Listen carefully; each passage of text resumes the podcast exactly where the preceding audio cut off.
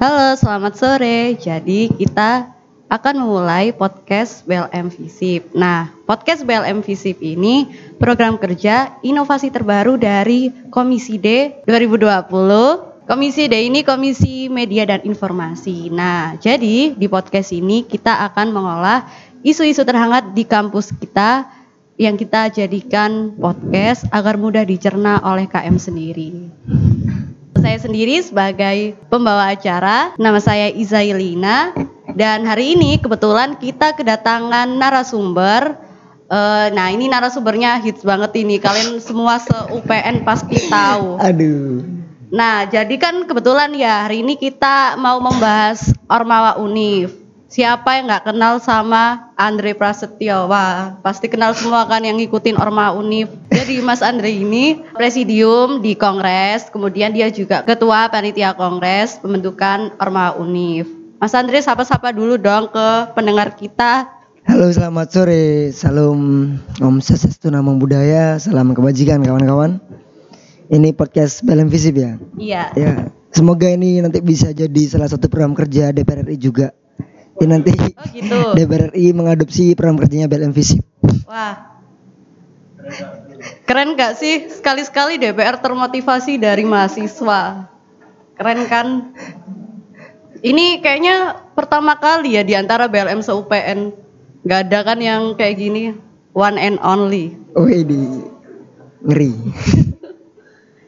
nah Mas Andre, kita lagi ngomongin Orma Unif nih kan ini lagi ini jadi pembicaraan hangat banget kan di kampus kita karena e, BEM Unif sendiri udah vakum lama kan sudah bertahun-tahun. Nah Mas Andre ini orang yang paling dikenal lah seenggaknya kalau di pembentukan Orma Unif sebenarnya latar belakangnya itu apa sih dibentuknya Orma Unif itu?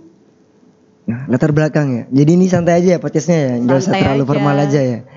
Jadi latar belakangnya dibentuk Orma Unif tuh mungkin kalau yang saya rasakan atau dapat dikatakan dari analisa pendek saya dari teman-teman itu memang berbicara masalah adanya satu kegentingan ataupun keperluan bahwasanya mahasiswa UPN itu butuh yang namanya ormawa universitas. Bayangkan aja ketika momen-momen pemaba misalkan, momen pemaba kampus lain itu buat koreografi seuniversitas sedangkan kita tidak sendiri terus yang kedua ini berbicara masalah kita sering kali tidak mengenal mahasiswa di fakultas lain. Jadi dampaknya itu sangat-sangat terasa sekali dan selain itu mungkin berbicara masalah advokasi. Advokasi ini mungkin berbicara masalah kepedulian juga ya untuk kawan-kawan yang membutuhkan advokasi juga karena tidak adanya BEM universitas itu terkadang membuat suatu aliansi antar fakultas ataupun antar jurusan itu terpecah. Makanya semoga nanti dengan berdirinya ataupun adanya BEM universitas ini bisa menyatukan seluruh mahasiswa UPN baik itu BEM fakultas ataupun ormawa jurusan bisa bersatu padu menjadi satu atas nama BEM universitas agar nanti ketika ada satu bentuk kepentingan advokasi di luar ataupun di dalam itu bisa terpenuhi semuanya. Seperti itu. Nah, kan yang saya tangkap ya poin hmm. utama sebenarnya ini uh, salah satunya tentang advokasi. Hmm. Nah, Mas Adri sendiri dulu kan pernah jadi ketua komisi A nih, komisi hmm. yang menangani bidang advokasi. Nah, Mas Andre sendiri pernah nggak sih mengalami kendala ketika tidak ada Orma Unif di bidang advokasi? Iya. Ceritakan contohnya juga nih biar siap, siap, KM siap. tuh tahu sebenarnya permasalahan advokasi apa sih yang ada di kampus kita. Iya, uh, saya dulu pernah satu periode di BLM Visip juga, saya sebagai ketua komisi advokasi dan aspirasi. Nah, ada suatu cerita bukan cerita ya cerita unik dan juga dapat dikatakan aneh juga sih. Waktu saya dulu maba tahun 2017 banyak kawan-kawan saya di terutama di jurusan saya itu tidak mengetahui bahwasanya ketika kita masuk ataupun ketika kita menjadi mahasiswa baru itu kita bisa melakukan banding UKT. Sementara informasi yang diberikan oleh beberapa ormawa yang saya tanyakan itu memang tidak ada satu bentuk informasi. Jadi malah mereka mengatakan Enggak, enggak ada banding UKT kok dari universitas. Padahal setelah saya saya juga pada waktu itu juga kenal sama mas-mas saya di organisasi daerah, mereka bikin satu bentuk gerakan yang menginformasikan bahwasanya UPN pada tahun 2017 itu membuka banding UKT secara langsung. Jadi waktu daftar ulang ada meja tersendiri untuk kawan-kawan masa baru banding UKT. Gitu. Jadi Ya harapannya aja sih ya semoga nanti adanya BEM universitas ini bisa mungkin dapat dikatakan juga mempengaruhi segala kebijakan yang dibuat oleh rektor ataupun oleh pejabat UPN agar nantinya uh, orang-orang rektorat itu ataupun pejabat rektorat itu mengetahui bahwasanya ini ada suara mahasiswa yang menolak ataupun dapat dikatakan ini ada suara mahasiswa yang memang perlu untuk didengarkan.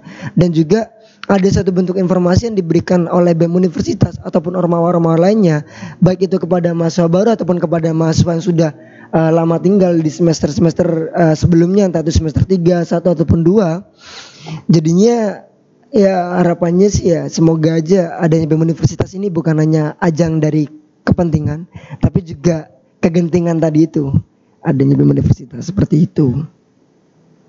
Nah, sebelumnya uh, sebagai edukasi mengenai mekanisme sidang nih ya, hmm. sebenarnya ini topik yang bagus juga sih buat hmm. pendidikan KM sendiri karena banyak yang belum tahu sebenarnya arti-arti uh, di sidang itu apa aja sih kayak mekanismenya, tahap-tahapannya. Nah, di pembentukan Ormawa Univ sendiri kan pasti ada tahap-tahapannya kan. Nah, ini uh, aku pengen biar KM sendiri tahu sih sebenarnya tahap-tahap apa aja yang dilalui saat pembentukan Ormawa Univ dari yang paling awal sampai saat ini. Oke. Okay. Uh, eh, jadi seperti ini tahapnya. Dulu itu pernah ada yang namanya tim independen.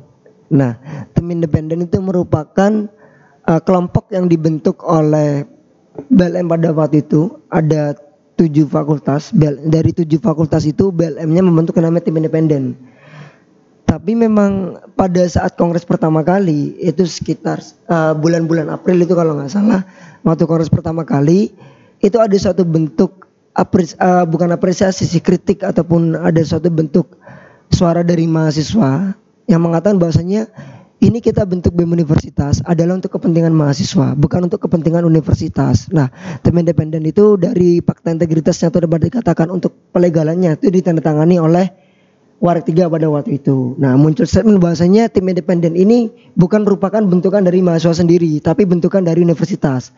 Akhirnya tim independen dibubarkan, diganti yang diganti oleh yang namanya panitia kongres. Nah yang harus dilakukan pada waktu itu oleh panitia kongres itu adalah referendum. Bayangin lah referendum kan ya sekelas negara biasanya referendum kayak Timor Leste ataupun bahkan dikatakan Eh, ada, ada saya nggak mau bilang lah ada lagi referendum yang lain mungkin.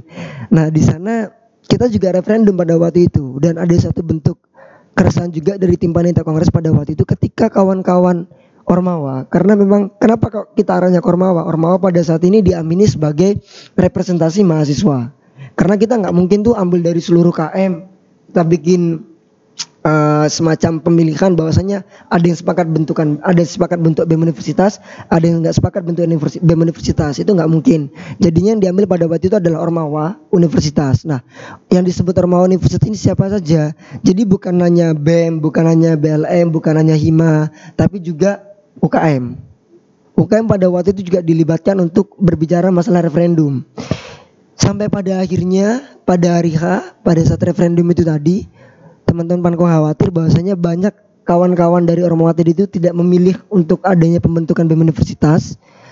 Tapi ya syukurlah alhamdulillah mayoritas memerlukan adanya BEM universitas. Jadi kita referendum dulu baru selanjutnya ada mekanisme kongres. Kongres pertama kali itu tanggal 11 Mei tahun 2019. Nah, yang hasilnya ada satu pembentukan, ada partai integritas juga.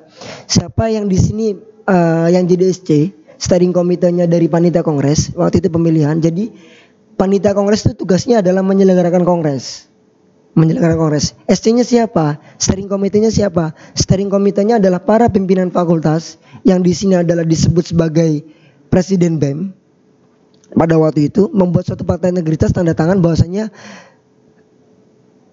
panitia kongres ini di bawah perlindungan atau dapat dikatakan di bawah dari kepemimpinan dari steering committee tadi itu yang isinya adalah para pimpinan ormawa fakultas. Terus bergulir bergulir bergulir bergulir sampai akhirnya jadi selama rangkaian sidang itu kita namakan panitia kong eh kita namakan kongres. Kongres mahasiswa. Sebenarnya bebas-bebas saja, bebas-bebas saja sih mau dinamakan sidang mahasiswa, mau dinamakan kongres mahasiswa. Itu tidak ada suatu bentuk uh, peraturan yang baku di sana. Bahkan kita juga mengganti undang-undang uh, dasar pada waktu itu atau dapat dikatakan ADART pada waktu itu yang yang saya pegang uh, soft copy-nya itu terakhir kali sidang itu pada waktu tahun 2012. Jadi kita bentuk lagi yang namanya Undang-Undang Dasar Republik Mahasiswa. Kita ambil Republik karena apa? Uh, ini mengacu kepada dasar negara kita atau dapat dikatakan bentuk negara kita sendiri, Republik Indonesia juga. Jadi kita juga mengambil sistem republik itu sendiri. Siapa yang membentuk undang-undang dasar? Nah, yang membentuk undang-undang dasar ini ada tugasnya tersendiri, bukan panitia kongres tapi ada yang namanya badan formatur. Nah, badan formatur ini didelegasikan dari setiap jurusan. Isinya kurang lebih ada 19 orang seharusnya. Badan formatur tadi itu tugasnya adalah membuat draft Undang-Undang Dasar Republik Mahasiswa dan juga membuat uh, draft Undang-Undang Pemilu juga. Lalu setelah draftnya jadi dikongreskan yang menyelenggarakan panitia kongres. Lalu pada saat kongres draft tadi itu dibahas kembali. Dibahas kembali oleh perwakilan delegasi.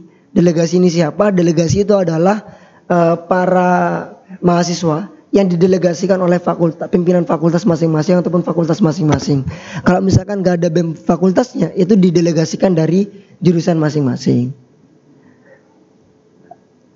pernah waktu itu saya sedikit cerita ya ada konflik juga konflik internal ada beberapa fakultas yang konflik internal juga ya itu jadi salah satu dapat dikatakan dinamika pada waktu kongres sampai pada akhirnya kemarin terakhir sidang itu kita tanggal apa bulan Februari ya sidang terakhir itu kita. Iya bulan Februari ya. Iya. Bulan Februari kita sidang, kita bentuk yang namanya KPU sama Bawaslu yang secara mereka masa kerjanya diberikan jangka waktu sampai 30 April. Jadi kemungkinan besar nih, ini berita baik untuk kawan-kawan KM UPN bahwasanya semoga saja insya Allah BEM Universitas ataupun Ormawa Universitas baik itu MPM ataupun BEM Universitas akan terbentuk pada saat terakhir itu 30 April tahun 2020. Ya nanti yang mau daftar BEMU disiapkan aja lah untuk kesiapannya dan lain-lain. Seperti itu kurang lebihnya. Mungkin ada yang mau ditanyakan lagi. Wah, penjelasannya cukup panjang ya. Tapi ini perlu diketahui juga sih karena ini tuh tahapan-tahapan yang dilalui oleh beberapa mahasiswa yang mengorbankan waktu dan tenaganya untuk membentuk kembali Orma Unif. Mm -hmm. Dan ini perlu diapresiasi sekali sama KM-KM lain atau mahasiswa-mahasiswa lain yang akhirnya tahu kan gimana sih uh, pembentukan Orma Unif itu. Nah, dari Mas Andre sendiri nih, harapan yang diinginkan jika BEM Unif dan MPM sudah terbentuk. Yang diharapkan ya, ada satu ketakutan dari saya sendiri berbicara masalah adanya Ormawa Universitas.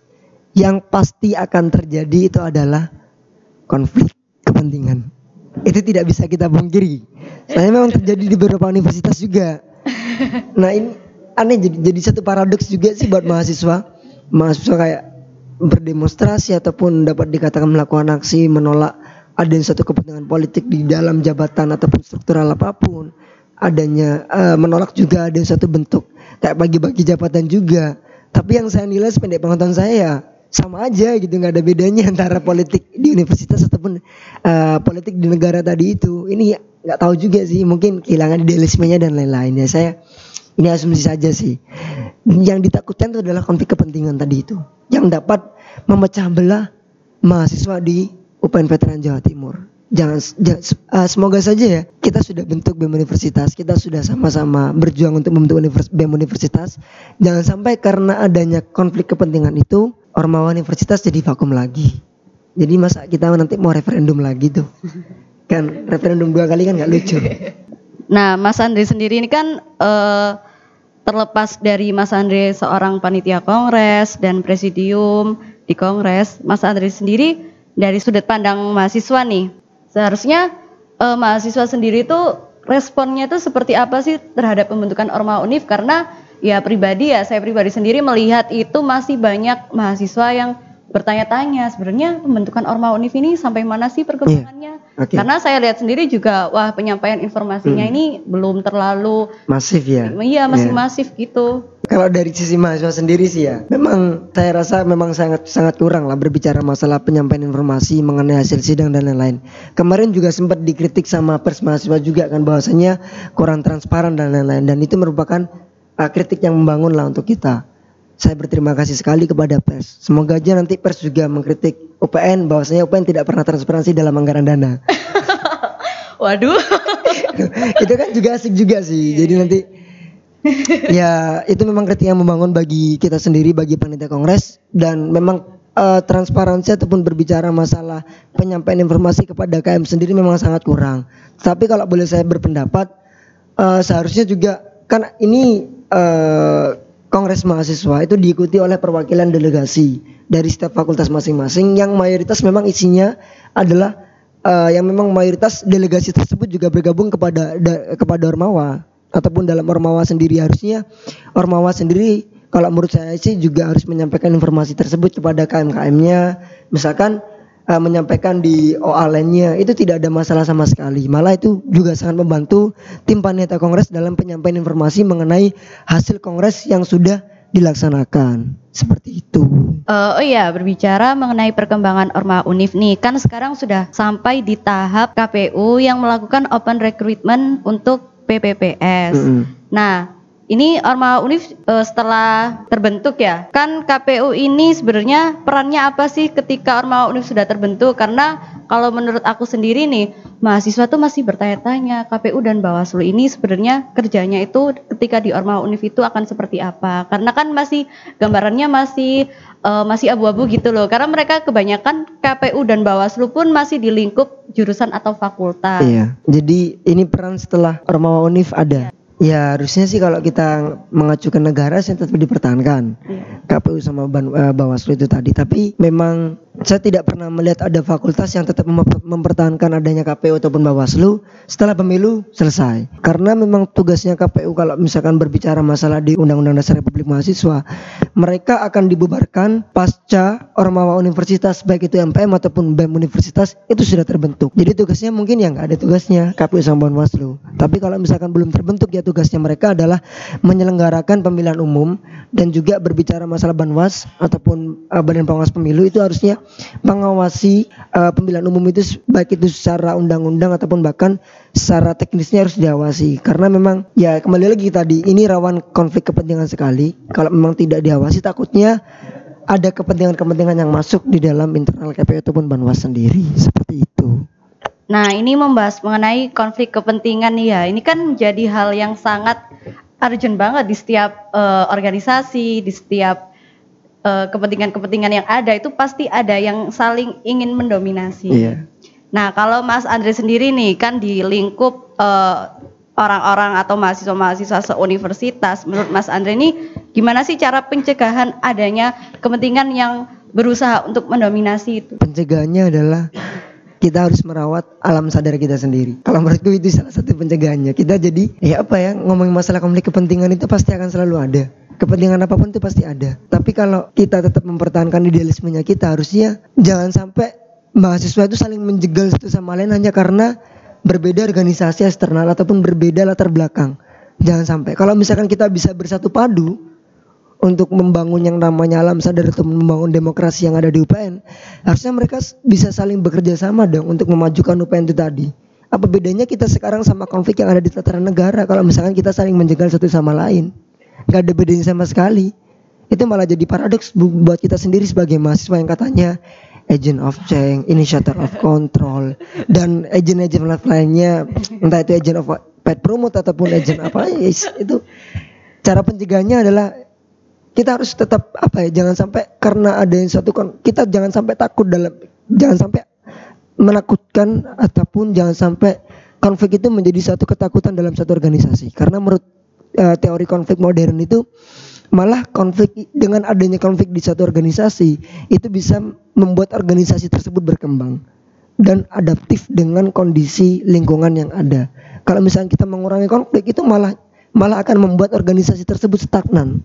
Itu juga akan membuat para pemimpin di organisasi tersebut juga belajar bagaimana caranya mengelola konflik yang ada di organisasi. Jangan sampai kita takutlah dengan adanya konflik itu. Dan jangan sampai kita saling menjegal satu sama lain antar mahasiswa karena berbeda latar belakang. Itu yang harus ditegaskan. Hidup mahasiswa. Nah, terakhir nih pesan-pesan dari Mas Andre agar pemilu Ormawa Unif nantinya benar-benar terasa euforianya, kemudian banyak juga suara surat-suara yang terpakai. Apa sih pesan-pesan Mas Andre untuk uh, mahasiswa se-UPN ini? Iya. Pesan saya adalah saya saya mau belakangkan aja nih hari ini. Ya, jadi pesan saya adalah hati-hati kalau dimintain KTM. Oh gitu, kenapa itu? Karena kalau misalkan di, kan itu menjadi salah satu persyaratan untuk mereka bisa maju. Oh. 700 KTM, setiap fakultas itu minimal 100. Pesan saya hati-hati kalau dimintain KTM, jadi harus tahu dulu keperluannya apa. Siap, siap. Kalau saranku sih yang, yang mau maju nih, yang mau yang mau maju di menjadi presiden mahasiswa atau wakil presiden mahasiswa, kalau misalkan teman-teman maju dan teman-teman yakin dengan dukungannya kawan-kawan sekalian ataupun yakin dengan kemampuannya sekalian, bikin aja tuh sama seperti open volunteer. Jadi para calon presiden ataupun calon wakil presiden tadi itu melalui tim sesnya ataupun yang lainnya bikin aja menerima donasi KTM. Keperluannya dijelaskan untuk apa? Untuk pemilihan presiden mahasiswa ataupun wakil presiden mahasiswa. Jadi nggak perlu tipu menipu mahasiswa. Ntar katanya dimintain pendataan dan lain-lain. Eh ujung-ujungnya buat mencalonkan diri menjadi presiden ataupun wakil presiden. Jadi satu kesan lagi hati-hati kalau dimintain KTM kayak gitu. Nah ini pesan yang sangat penting ya karena kebanyakan mahasiswa juga nggak concern dengan hal ini. Iya. Yeah. Uh, kebanyakan mahasiswa juga nggak nggak paham dengan metode seperti ini. Hmm. Ini justru yang membuat kita tahu ya teman-teman Uh, pokoknya nanti kalau misal ada yang minta KTM ya hati-hati ya. Oh iya, untuk meramaikan lagi ya. Mungkin pesan saya itu satu sih. Meramaikan boleh, tapi jangan sampai konflik gitu. Dalam artian ya jangan sampai gak cuman gara-gara calon presiden ataupun calon wakil presiden ataupun calon MPM yang diusung itu kalah, teman-teman terus harus bertengkar satu sama lain antar mahasiswa. Yaitu merupakan suatu bentuk harusnya ketika memang pasangannya kalah ataupun calonnya diusung kalah bisa narimo ing pandum lah ataupun dapat dikatakan menerima kekalahan. Kecuali memang ada suatu bentuk kecurangan yang dilakukan. Itu mungkin harus gugatan ataupun dapat dikatakan memang harus diketahui oleh KM bahwasanya calonku kalah karena kecurangan yang dilakukan oleh paslon lain. Itu mungkin berbeda lagi itu memang harus bertindak. Tapi kalau misalkan kalah uh, calonnya kalah karena itu memang kapasitasnya ataupun dapat dikatakan memang suaranya memang kurang ya memang harus legowo aja gitu. Jangan sampai karena kepentingan ataupun dapat dikatakan karena pemilihan umum tadi itu sesama mahasiswa harus ada konflik gitu. Ya kita sama-sama satu masa UPN gitu. Jangan sampai karena itu kita konflik kayak gitu. Uh, intinya harus saling menghargai satu sama lain ya, sepakat, ya harus dan saling menerima satu sama lain juga karena uh, perlu diingat bahwa esensi pembentukan Ormawa sen Unif sendiri juga untuk kebersamaan kita semua, untuk kepentingan bersama juga. Hmm. Jadi jangan sampai uh, kepentingannya itu hanya sebelah pihak saja. Iya, benar. Nah, ini uh, akhirnya kita dapat pencerahan kan teman-teman sore ini tentang isu terhangat di kampus kita yaitu Orma Unif. Nah, buat kalian yang dengerin podcast ini, jangan lupa terus ikutin IGTV at BLMVisip underscore UPNVJT karena masih akan ada podcast-podcast lainnya yang gak kalah seru dan gak kalah penting dari podcast sekarang. See you!